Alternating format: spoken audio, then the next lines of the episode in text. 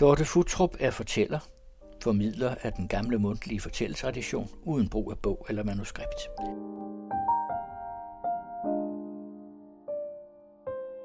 Forførerens hustru kalder jeg den mundtlige fortælling, du nu skal lytte til. Den har sit afsæt i den norske forfatter Jan Kjærstads romantrilogi Forføreren, Eroberen og Opdageren, som forfatteren i 2001 modtog Nordisk Råds litteraturpris for. Værket har været til stor inspiration for min måde sidenhen at fortælle et liv på. Hvad enten det har været fortællinger om så forskellige personer som erhvervsmanden C.F. Titgen, forfatteren Ingeborg Stukenberg eller maleren Frida Kahlo. I trilogien fortæller Jan Kjærstad, populært sagt, de samme historier på cirka 1400 sider. Men øh, historien er lagt i munden på forskellige fortællere. Min vinkel har fokus på hustruen Margrethe, som jeg opfatter som trilogiens akse eller røde tråd, om end den er klippet over. Af hjertet tak til forfatteren, som har givet mig frie hænder til fortolkning og gendigtning.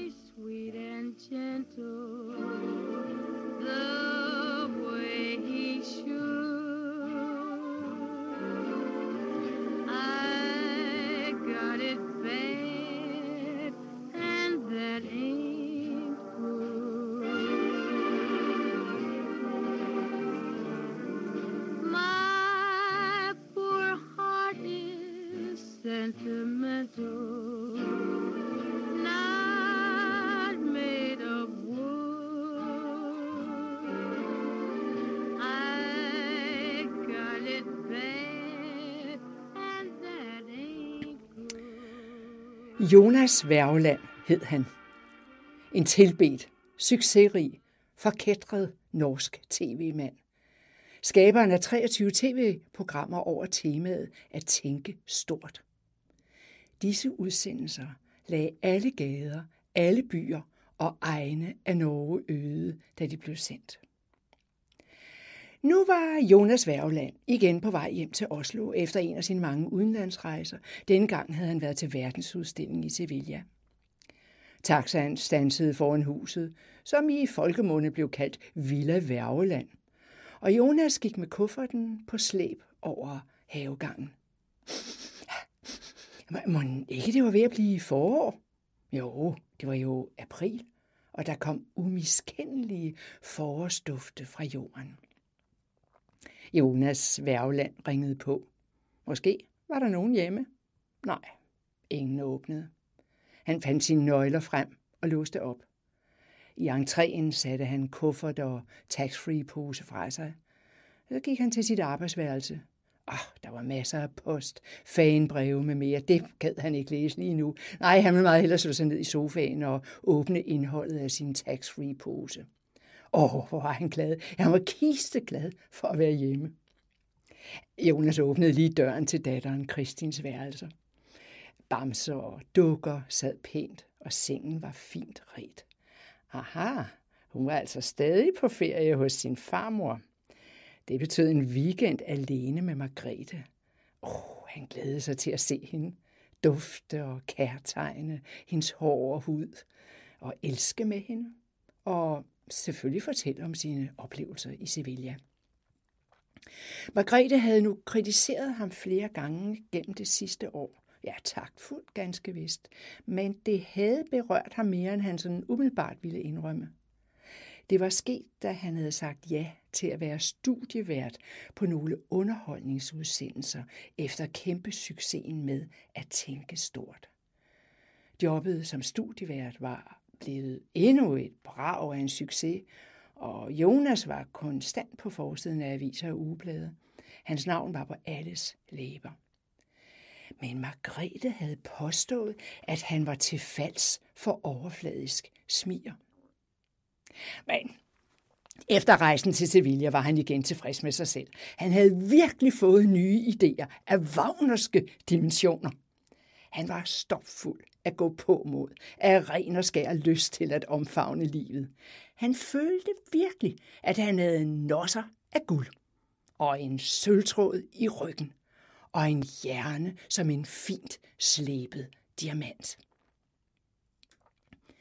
Jonas stod med hånden på dørhåndtaget til stuen i sit eget hus. Der lugtede ikke af nybagt brød. Åh, oh, nu fik han pludselig kvalme, en umådelig kvalme. Åh, oh, det skyldtes jo nok den lange rejse.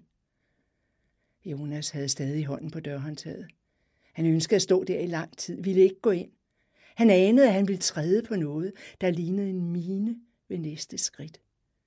Som om han ville blive sprængt i luften. I det øjeblik prøvede han at gøre status over sit liv og sin karriere.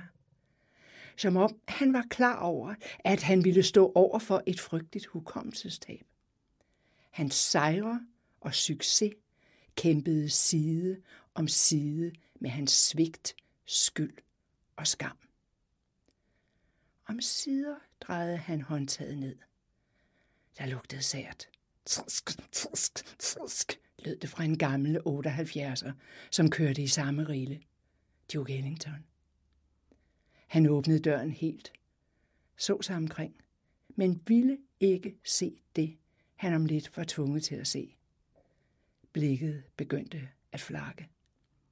Om sider så han en kvinde, nøgen, ligge på gulvet på et isbjørneskin. I det øjeblik blev alt vendt på hovedet for Jonas Værgeland. Han fik den tanke, at han var gået forkert. Ja, ikke på den måde, at han var gået ind i et forkert hus, men at han var gået ind i en forkert virkelighed. Og hvorfor? Fordi kvinden på gulvet var identisk med ingen anden end hans elskede og uerstattelige hustru, Margrethe. Så hvordan hænger et liv sammen? Og hvad er livets mening? Der havde været mange kvinder i Jonas Værgelands liv. Ja, helt nøjagtigt 23. Stærke erotiske oplevelser havde han haft. Kortvarige og intense. Han følte stor nydelse ved at forsvinde i dette gådefulde hav af kvindelig olie. Men det var ikke blot et spørgsmål om nydelse.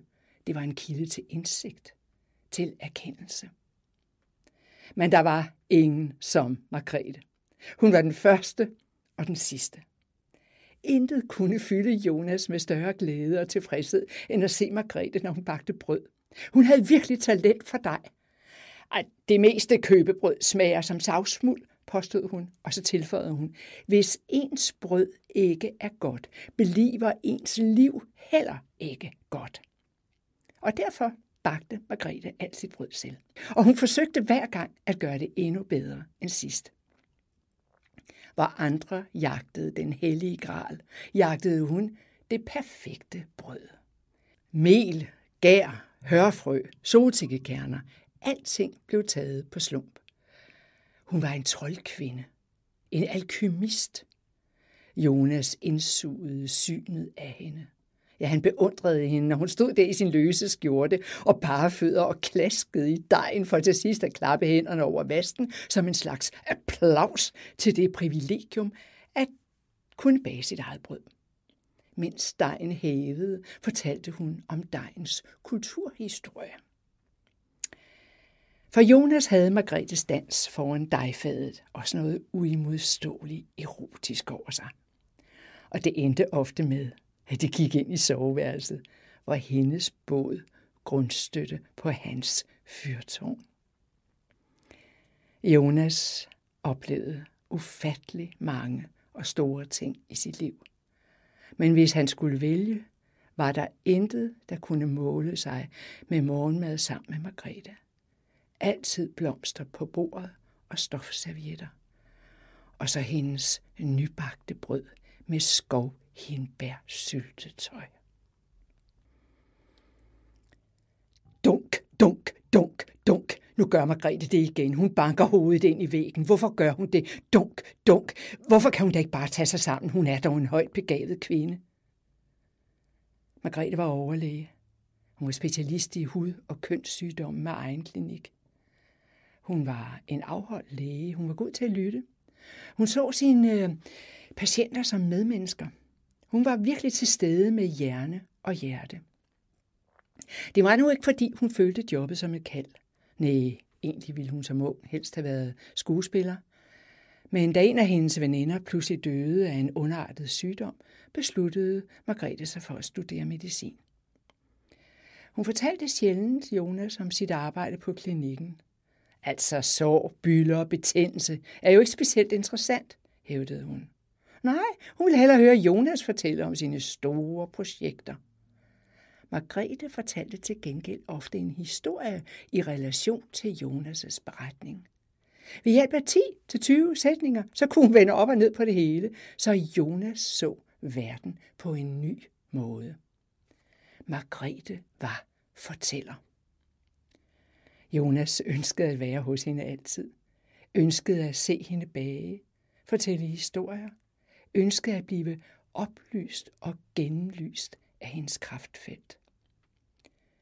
Dunk, dunk, dunk. Margrethe banker igen og igen sit hoved ind i væggen. Det pipler med blod fra panden. Hendes gråd kommer dybt nedefra. En hulten, som tiltager i styrke, iblandet lavmælte skrig. Jonas holder sig for ørerne. Han vil ikke høre hendes dunk. Han kan ikke forstå det. Han vil ikke forstå det. Tag dig dog sammen, Margrethe. Behers dig, råber han om sider. Margrethe vender hovedet, og Jonas ser hendes tårvede ansigt og pupillernes sorte dyb. Det gyldne i hendes øjne er borte. Tilbage er krænkelse og forladthed.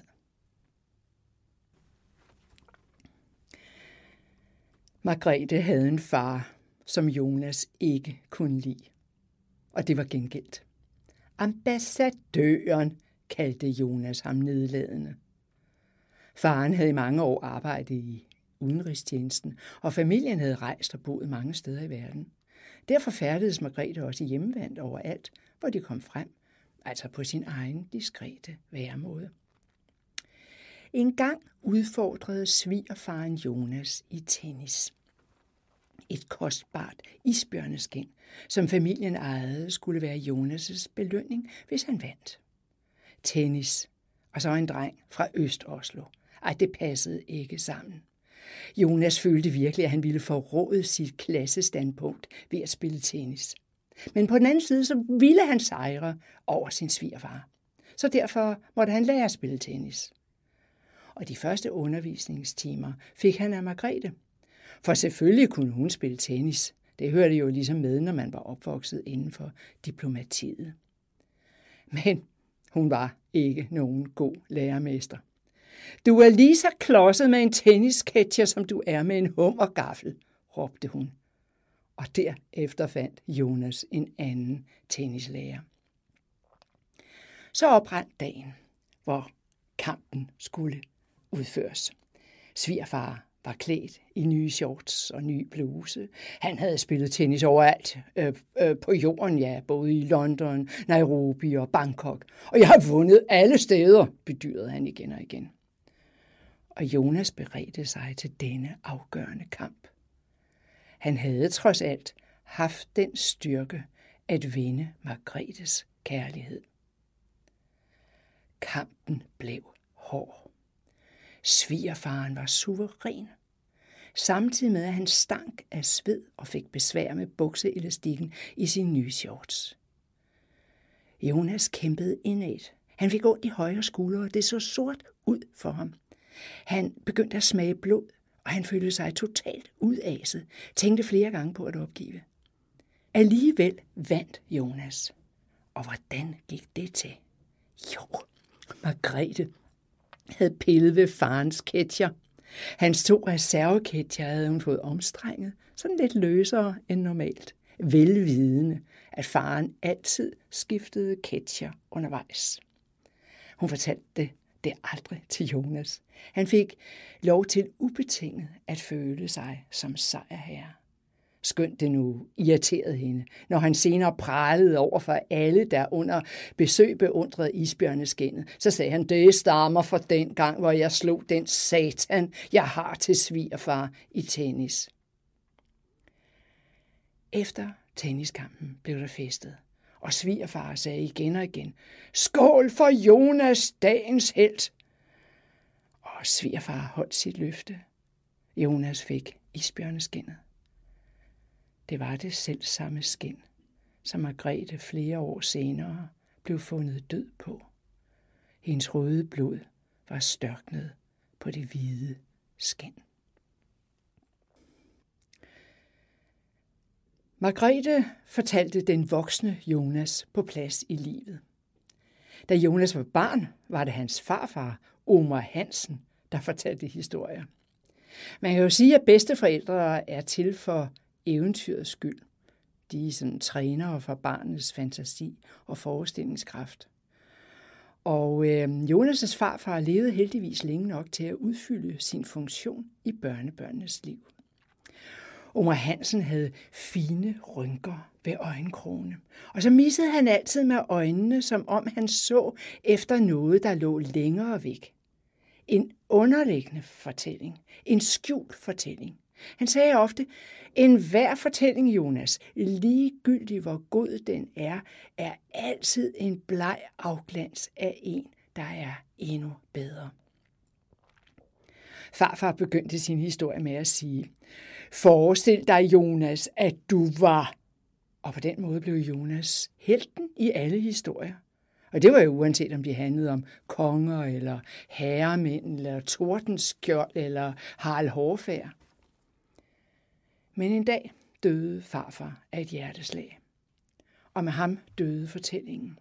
Jamen, der var ikke længere nogen til at fortælle Jonas på plads i livet. Han var ikke længere noget enestående. For det var han jo kun i kraft af farfars endeløse og fantasifulde fortællinger, som altid gjorde ham til hovedperson. Nu var Jonas bare en i massen.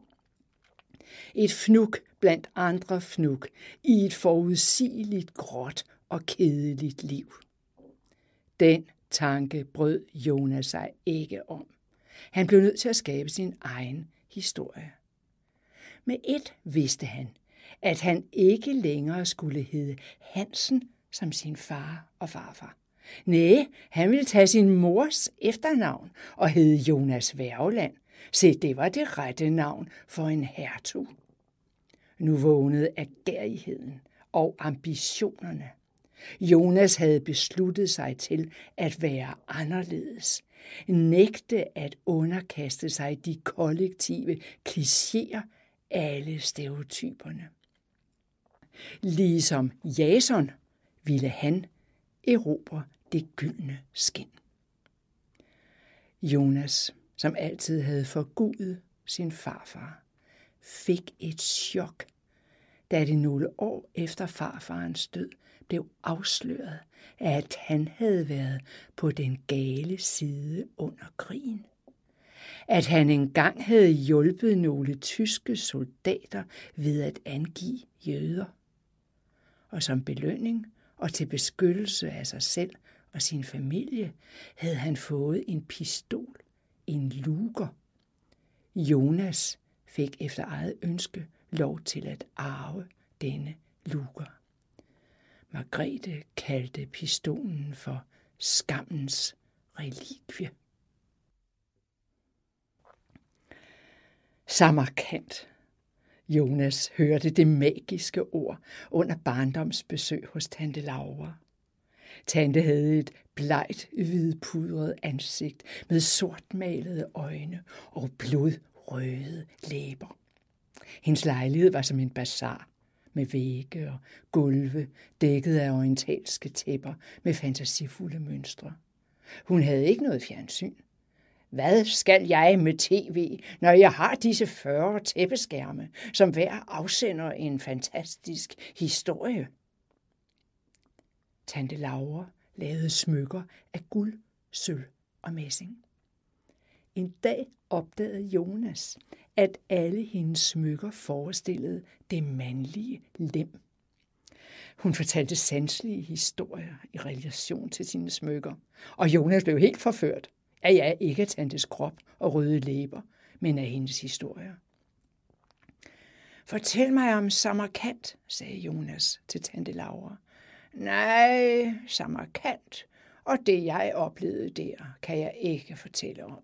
Der må du selv rejse hen, sagde hun.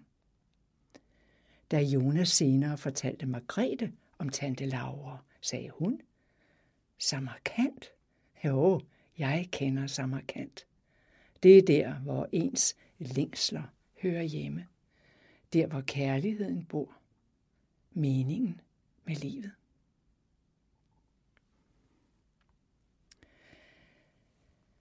Et par aftener før Jonas skulle rejse til verdensudstillingen i Sevilla, sad han malet et henslængt i sofaen og lyttede til en plade med Duke Ellington og hans orkester. Margrethe gik rundt i Jonas' badekåbe. Men hvorfor har du min badekåbe på? spurgte han. Fordi jeg savner dig, svarede hun. Og lidt efter sagde hun. Jonas, jeg er bange. Det havde hun sagt flere gange før. Det var sket efter nogle udsendelser, som Jonas havde produceret på tv om indvandrere i Norge.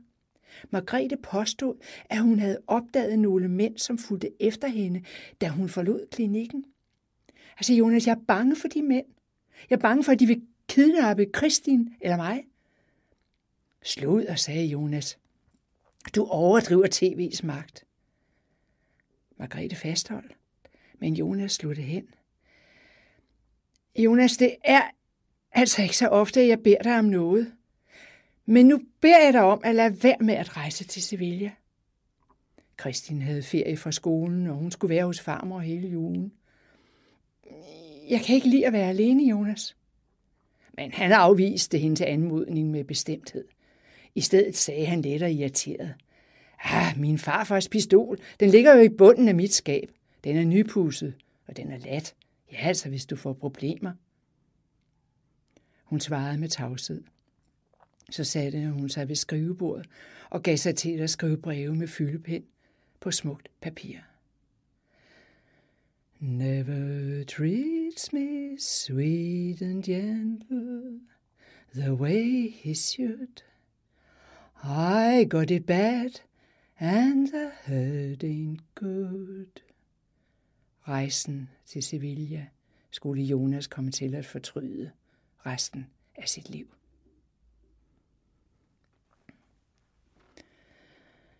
Margrethe og Jonas mødte hinanden første gang, da de var 12 år.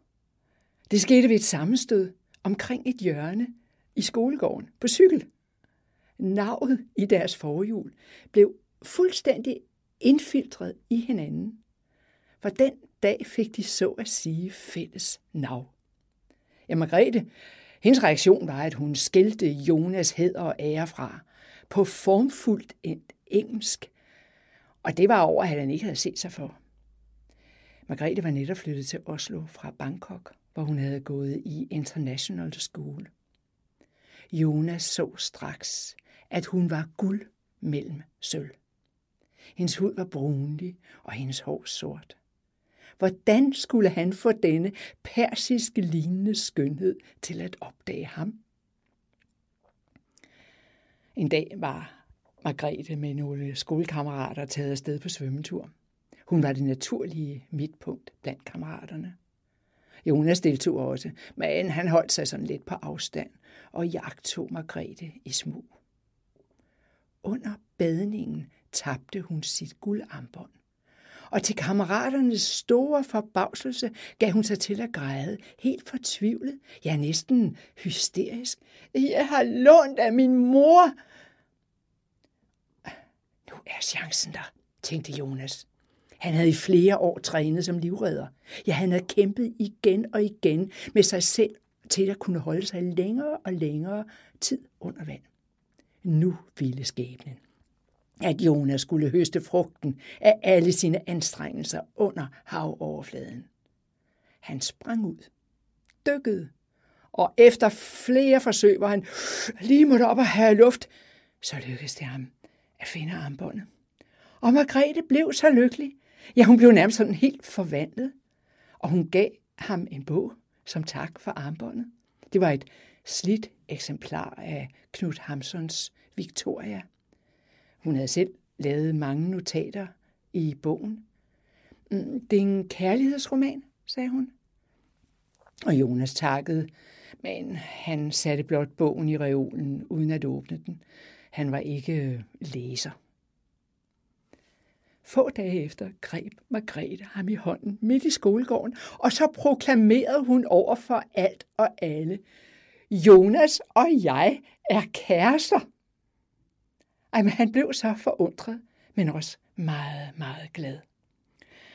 I et, et halvt år kom de sammen, og det var frydefuldt. Men en dag kun gjorde Margrethe. Det er forbi. Jeg slår op. Og hun gav ingen yderligere grund. Og den dag døde Jonas, ja, ja, selvom han blev stående på begge sine ben. For hendes blik og hendes holdning viste med al tydelighed, at hun havde forkastet ham. At han ikke var værdig. Han var uden ånd. Og kort tid efter flyttede hun igen med forældrene til udlandet.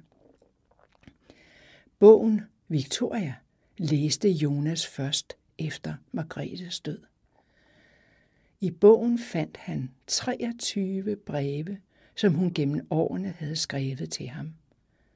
I et af brevene stod, Jeg ville give dig det bedste, jeg havde, for den bog havde gjort et udsletteligt indtryk på mig.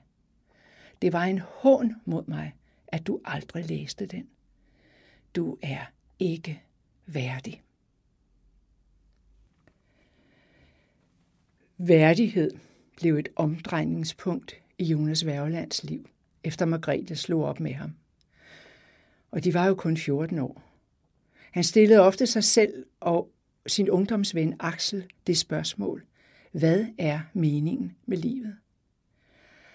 Axel var efter flere års studier af menneskets DNA nået til den konklusion, at hvis man skal finde ud af, hvad og hvem et menneske er, skal man kortlægge de historier, som har været i personens liv. Generne er ikke så væsentlige. Axel antog, at hvis man sætter historierne sammen på en ny måde, får man et nyt liv. På det tidspunkt, hvor Jonas var arkitektstuderende, havde han helt mistet sin livsknæst. En regnværsdag var han på vej til universitetet i sporvogn, og hans tanker var et stort rod. Han kunne ikke finde mening med noget som helst. Men så skete der noget helt forunderligt.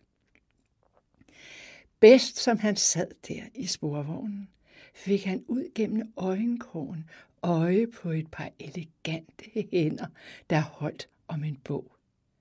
Han så en sort regnfrakke, en blusekrave. Han så et ansigt, som nærmest blev oplyst indefra. Og med et genkendte han ansigtet. Han kunne ikke få et ord frem, kunne ikke begribe, hvor gløden i hendes øjne kom fra på sådan en grå regnværsdag. Jonas, kan du genkende mig? Jeg er, jeg er Margrethe. Om han kunne. Han begyndte at græde. En stille gråd som den milde forårsregn. Der vidste Jonas, at han var forelsket på ny. Ja, heller ikke på ny, for han havde jo været forelsket i hende hele tiden. Det var som om de 12 års fravær ikke havde eksisteret. Jonas tog med Margrethe hjem. Ambassadøren var bortrejst. Og de sad sammen ved køkkenbordet. Og så holdt Margrethe pludselig en lukket hånd frem mod Jonas. Og så sagde hun, åbn min hånd, Jonas. Og nej, er det en musling? Han begyndte at løsne hendes fingre. I hånden havde hun en perle. Sådan en lille, uregelmæssig naturperle.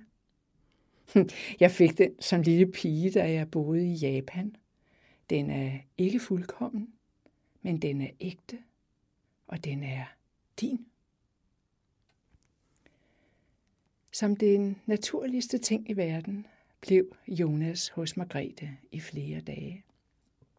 Han fortalte hende, at han var gået helt i stå, at livet var noget lort for ham, Ja, men selv noget lort kan der komme noget godt ud af, sagde Margrethe. Og så fortalte hun et egyptisk eventyr om en bille, der levede som pilletriller i en kokasse hele livet. Det er den hellige skarabæ, Jonas, som man i Ægypten lagde på de dødes hjerter. Det betyder evigt liv. Margrethes fortælling om billen gav Jonas association til en sommerdag i selskab med Nefertiti, hans barndomslegekammerat. Hende med den specielle hovedform, de dejligste sorte flætninger og verdens længste øjenvipper. Det var juni, og skolen lige forbi. Jonas og Nefertiti kryb gennem gæret og kom ind på en grøn eng med hvidkløver, ranunkel og røde malkekøer. Nefertiti blev optaget af en gammel kokasse med sådan en tyk, tyk skorpe. Hun slog en rød og hvidternet du ud i græsset. Så lavede hun sig på knæ og begyndte et langvarigt studium af kokassen. Hun fandt en kæp og delte kokassen i to, i fire, i otte. Og der var det, hun fandt billen. Jamen, hun blev ganske tryllebundet. Hun kom nærmest i trance. Billen havde røde dækvinger. Den rodede i mødet og lod sig slet ikke forstyrre af de to nysgerrige i agtager. Det, det er utroligt. Jamen, det er helt utroligt, mumlede Nefertiti. Men Jonas han kom ret hurtigt til at kede sig, og så forlod han hende. Og resten af eftermiddagen var han alene. Men hen på aftenen gav han sig til at lede efter hende. Og tænk, så fandt han Nefertiti stadigvæk bøjet over selv samme kokasse. Det er fantastisk, sagde hun. Det er et kostbart syn. Jamen, det er mere værd end en rubin. Tænk, denne bille lever af møg. Den kan klare selv de tørreste kasser. Er det ikke fantastisk, Jonas, at leve af møg, at overleve i en verden af lort? Kort efter denne hændelse blev Nefertiti i Jonas' påsyn dræbt på cykel af en lastbil i alt for stor fart. Da Jonas kom hen til hende, lå hun livløs på asfalten med en lille dråbe blod ud af den ene mundvig. I det øjeblik brød hele barndommens legoverden sammen. Men der så han en lille bille kravlede ud af hendes hvide bluselomme lige over hjertet. En bille med røde dækvinger, som hurtigt fløj bort. Der ved køkkenbordet i ambassadørhjemmet sagde Margrethe til Jonas. Selv den største smerte, den største sorg, kan forvandles til en fortælling, som man kan leve af og leve på. En gang var Jonas i New York for at lave en tv-udsendelse til serien At tænke stort. Han havde lånt en lejlighed på Manhattan, nær Chrysler-bygningen. Lejligheden lå på 10. etage. Han var kommet træt hjem fra dagens arbejde og gik i gang med at forme øh, dej til brød. For selv på rejse var han afhængig af Margrethes brød. Da så han pludselig en skygge bevæge sig på den smalle afsats uden for vinduet. Han åbnede vinduet, og en mand brølede. Jeg springer! Jeg springer! Ej, det er for banalt, tænkte Jonas.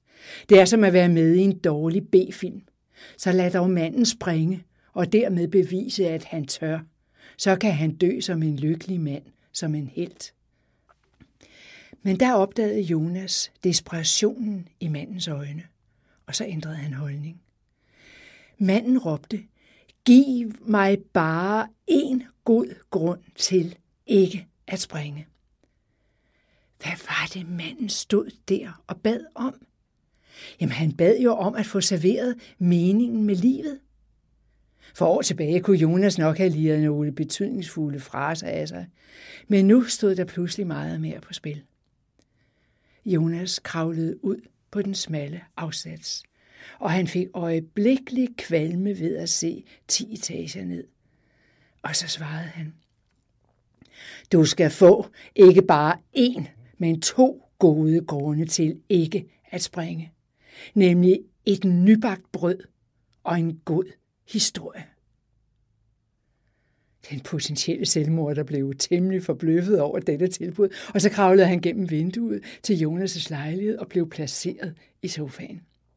Jonas lukkede forsvarligt vinduespartiet, og så forklarede han manden om mel og om hævning og tilføjede med stolthed, alt det har jeg lært af min kone. Selvmorderen faldt til ro, og brødene blev sat i ovnen og mens en livlig duft af bagværk bredte sig, fortalte Jonas historien om Nefertite, de gule ranunkler, det grønne græs og billen i kokassen. Manden småknækkede undervejs, og efter den historie og med et nybagt brød i favnen, fik han lyst til at tage mindst en dag mere. Dunk, dunk, dunk. Kort før brylluppet opdagede Jonas første gang Margrethes mørke side. De havde elsket længe og intenst, med stor ømhed og hengivelse. Margrethe havde grædt undervejs. Hvorfor græder du? spurgte Jonas. Fordi jeg er så lykkelig. Fordi jeg elsker dig så højt, svarede hun. Elskoven gav tørst, og Jonas forlod dobbeltsengen for at hente iste i køleskabet. En skik, som Margrethe havde bragt med sig fra Østen. Da han kom tilbage, så han den kvinde, som lige havde sagt, at hun var lykkelig med ham. Han så hende sidde i sengen og dunke sit hoved ind i væggen. Dunk, dunk, dunk. Hun hulkede hjerteskærende. Jonas' første tanke var, at hun gjorde det for sjov. At det var sådan en ganske ufarlig handling. Men om sider gik alvoren op for ham. At Margrethes handling udsprang fra et mørke i hendes indre labyrint. Et hemmeligt rum. Et skrig om hjælp. Forklædt som meningsløs handling. Med et holdt hun op med at dunke hovedet, og så rakte hun sin spinkle hånd ud mod Jonas. Han satte bakken med iste fra sig og lagde sig ved siden af hende, og snart faldt hun i søvn. Senere på aftenen spurgte Jonas, hvorfor dunkede du dit hoved ind i væggen? Og det betød ikke noget, hævdede hun. Glem det. Jeg forsikrer dig. Det betød ikke noget. Jonas havde altid anset Margrethe for at være den stærkeste af de to, og den klogeste. Hvorfor ville du egentlig have mig? spurgte han hende en gang. Fordi du uden mig vil gå i stykker. Fordi du har brug for en, der kan holde om dig. Når de skulle sove, lagde hun sig tæt bag hans ryg, sådan ligesom for at beskytte ham. Hendes kærtegn fik ham til at gløde. Nogle år efter brylluppet havde Margrethe sagt, Jonas, jeg vil have et barn, for der skal være en til at redde dig, når jeg ikke er her mere. I de senere år var Margrethe ofte skuffet over Jonas' mangel på medfølelse og manglende engagement i familielivet. Du har ikke kontakt med dine følelser, sagde hun. Jonas forsvarede sig med, at han var genert og blufærdig. Nej, nej, du er fej. Margrethe græd ofte. Jonas kunne ikke takle hendes gråd og hendes sårbarhed. Sager og underlige ting kunne hun finde på at sige og gøre. Hun kravlede op på en fjeldtop, og så gav hun sig til at skrige af sin lungers fulde kraft. Jamen skrig og gråd renser mit sind, var hendes begrundelse. Han trøstede sig med, at hun til synlædende passede sit arbejde, og at det ikke gik ud over Kristin. Som undskyldning blev Jonas med årene mere og mere optaget af sine egne projekter. Hans store ambition og drivkraft var at blive udråbt til den betydeligste kunstner på sit felt i Norge. Ja, gerne i hele Europa. Det bevirkede, at han engang i Lissabon havde en affære med en kvindelig programdirektør. Bag dette sidespring lå en kynisk, krystalklar og bevidst plan. Nemlig det formål at skaffe penge til at finansiere resten af udsendelserne om at tænke stort. En aften, hvor parret kom hjem fra selskab hos Margrethes forældre, kastede Jonas sig i sofaen med en whisky. Margrethe stod længe og betragtede ham i sin elegante sorte cocktailkjole. Mødte du en kvinde i Lissabon? spurgte hun pludselig. Og så så hun på ham med sådan et dissekerende blik, som gav associationer til hendes arbejde. Jonas lod, som om han ikke hørte spørgsmålet, og så begyndte han i stedet for at gøre nar af sin svigerfar og beklage sig over, at svigerfaren en hel aften havde underholdt selskabet med, hvordan man blandede den perfekte cocktail. Jeg spurgte dig om noget, Jonas. Ja, altså for ikke at tale om Margrethes mor, som levede en underdanig skyggetilværelse før sin latterlige Chanel-dragter. Og så har din mor jo et alkoholproblem, Margrethe, det kan jeg godt sige dig. Margrethe holdt fast i sit. Hvad er det, I siger, Jonas? Om de kvinder på tv, som bliver forfremmet, at de har ligget sig til det? Jonas var trængt. Du, må, du er måske jaloux, var? sagde han hånligt, ud fra den kensk gerning, at det bedste forsvar jo altid er et angreb. Margrethe pillede ved sin kostbare perlekæde, som hun for nylig havde fået af sine forældre. Hendes mor havde flere gange i aftens løb pointeret, at der var 46 perler i kæden. Svar mig, Jonas! Men han viklede sig mere og mere ind i sig selv. Pludselig rev Margrethe i kæden, og perlerne fløj til alle sider. En regn af noget kostbart og hvidt svævede, dalede mod gulvet. Samtidig mumlede hun. Der røg livstråden. Der røg livstråden. Uden et ord gik hun i seng. Jonas skal sig til at samle perlerne op, men han kunne kun finde 45. Næste dag afleverede han de 45 perler hos en guldsmed. Sammen fandt de en perle, som var magen til de øvrige. Jonas gav perlekæden tilbage en søndag morgen, hvor alt til synlædende var godt. Du på bordet, blomster, stofservietter og nybagt brød. Der er sat knuder imellem perlerne, så, så det vil altså aldrig ske igen, sagde han. Margrethe smilede og lod perlekæden glide gennem sine fingre uden at se på den. Pludselig begyndte hun at græde. Hun tog fat om en af perlerne. Den her er ny, sagde hun fortvivlet. Det var ufatteligt. Hun kunne se med hænderne. Hun kunne mærke, bare ved at lade sine fingre glide hen over Jonas' hud, at han havde været sammen med en anden kvinde.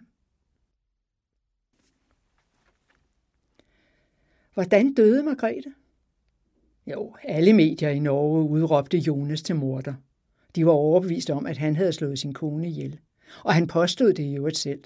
Jeg er den skyldige, jeg er morder, jeg vil i fængsel. Folk i byen vidste udmærket, at Jonas Værgeland besad en grundlæggende dæmoni. Flere kunne fortælle, at han havde været døddrukken den aften, han kom hjem fra Sevilla drukket tæt på flyet og desuden kastet op i taxaen.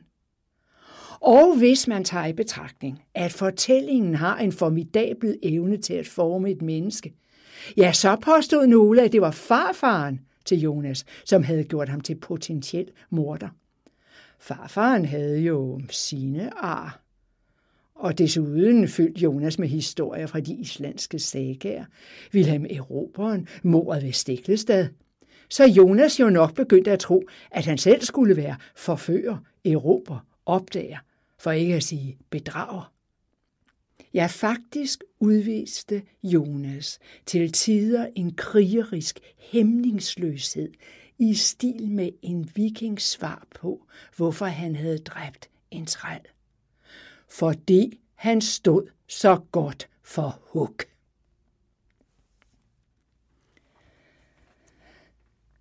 Ungdomsvennen Axel havde engang stået godt for huk. Årsagen var jalousi fra Jonas' side. Hans destruktive og alt fortærende jalousi, som kunne give sig udslag i vold.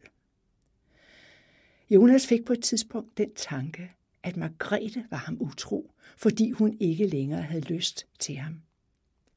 Han fik et syn, som overbeviste ham om, at elskeren var Axel. I sin fantasi fik han peget det med ungdommens rygte om, at Margrethe havde et grådigt underliv. Jonas kunne i hvordan hun og Axel altid talte så godt sammen. Især om romaner, de begge havde læst. Og Jonas fattede ikke, hvorfor folk gad læse skønlitteratur. Margrethes svar var, jamen, jeg læser for at lære at omgås min ensomhed. Det er slet ikke en flugt, men livsappetit. Jonas vidste, at Axel ofte kom på besøg, når han ikke var hjemme. I sin fantasi blev Jonas konstant vidne til Margrethes ekvilibristiske udfoldelser på landet sammen med Axel. I flere måneder levede Jonas i to verdener, og den ene, den indbildte, blev efterhånden den klart dominerende. Jeg, jeg ved, at du er Axels elskerinde, råbte han i et af de der mange forhør. Margrethe svarede ikke på Jonas' beskyldning. Hun så blot på ham med det blik, som sagde alt. Du er ikke værdig. Du fortjener mig ikke. Det førte til, at Jonas i sin afmagt og desperation opsøgte Axel og tævede ham sønder og sammen.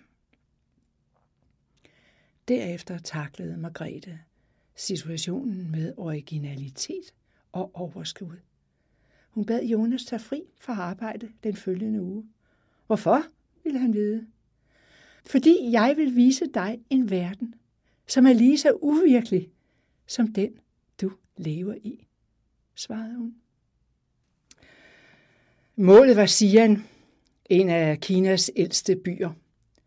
Margrethe havde ordnet alt hjemmefra. Ubesværet førte hun sig frem og talte kinesisk uden besvær. Hun havde sørget for logi på et hotel, og i restauranten spiste hun med pinde, som om de var forlængelser af hendes fingre.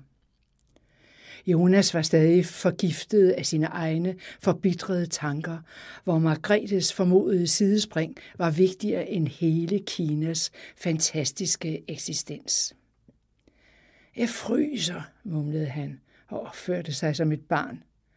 Næste dag købte hun på markedet en grøn, verteret militærfrakke til ham, med forgyldte knapper og krave af imiteret pels. Så kørte de ned med bil til et sted, som mindede om en hangar, omgivet af en masse souvenirboder. Hun trak Jonas med sig op ad en trappe i vestibylen, og snart stod de foran det, som hun havde ført ham den halve jord rundt for at se. Der stående bag rækværket så Jonas i sin militærfrakke ned i en slags sandkasse på størrelse med en enorm fodboldbane. Han opdagede sig selv. Det vil sige en hær af kopier, afbildninger. Tusindvis af stivnede menneskekroppe. Han stod som en general og inspicerede armeen af soldater fremstillet af brændt ler, terracotta.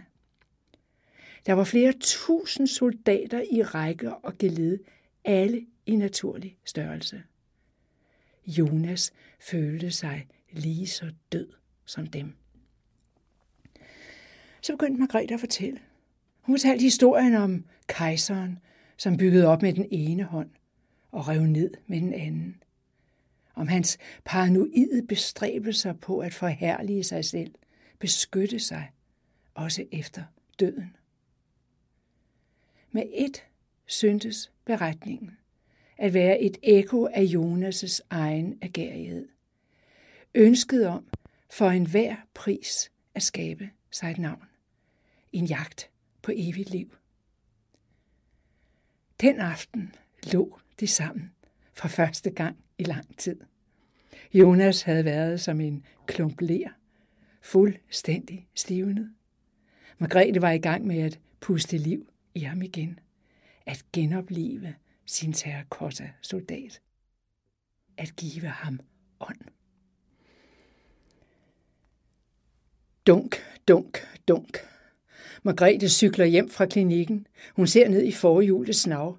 Hendes blik festner sig på en ære. Den ser ud til at være knækket eller nærmest klippet over. Hun cykler hurtigt, føler sig forfulgt. Forpustet smider hun cyklen i udhuset og låser sig ind i huset. Christine er stadig på ferie hos farmor. Jonas er i Sevilla. Margrethe føler sig svedig og uren efter cykelturen og dagens arbejde. Hun tager et brusebad og tager Jonas' badekåbe løst over de nøgne skuldre. I stuen lægger hun Ellington på gramofonen, for ikke at høre lyden af egne skridt i det tomme hus. I køkkenet finder hun en skive tørt brød. Hun har ikke haft lyst til at bage i lang tid. Hun skænker et glas vin. Uroen vokser. Mørket kommer. Angsten. Forladtheden. Dunk, dunk, dunk. Hun slår hovedet ind i væggen. Hårdere og hårdere. Det gør ondt indeni og udenpå.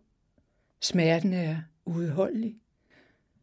Dunk, dunk, dunk. Lukker. Farfarens pistol. Margrethe løber ind i soveværelset. Hun finder pistolen i bunden af Jonas' skab. Hun knuger den ind til sig. Hun vakler tilbage gennem stuen, snubler over isbjørneskinnet, falder. Der ligger hun nøgen på det hvide isbjørnskin med pistolen i hånden.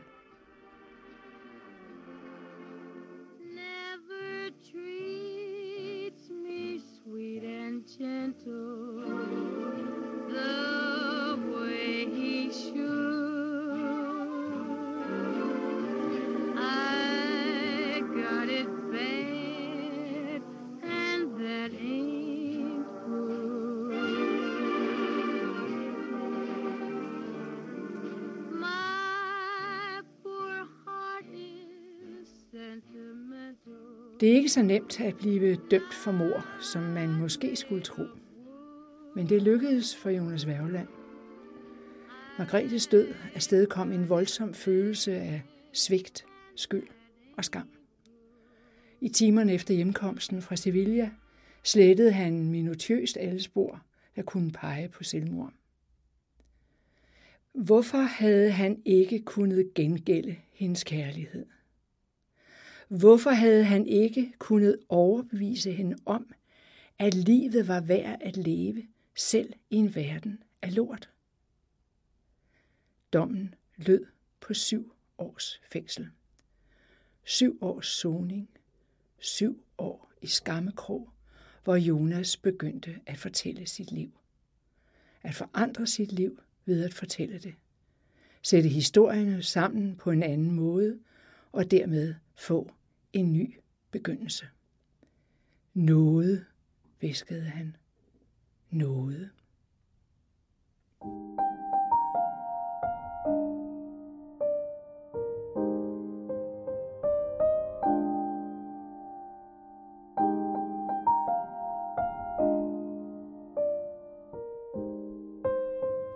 Du har lyttet til Levende Lydfortælling med mig, Dorte Futrup.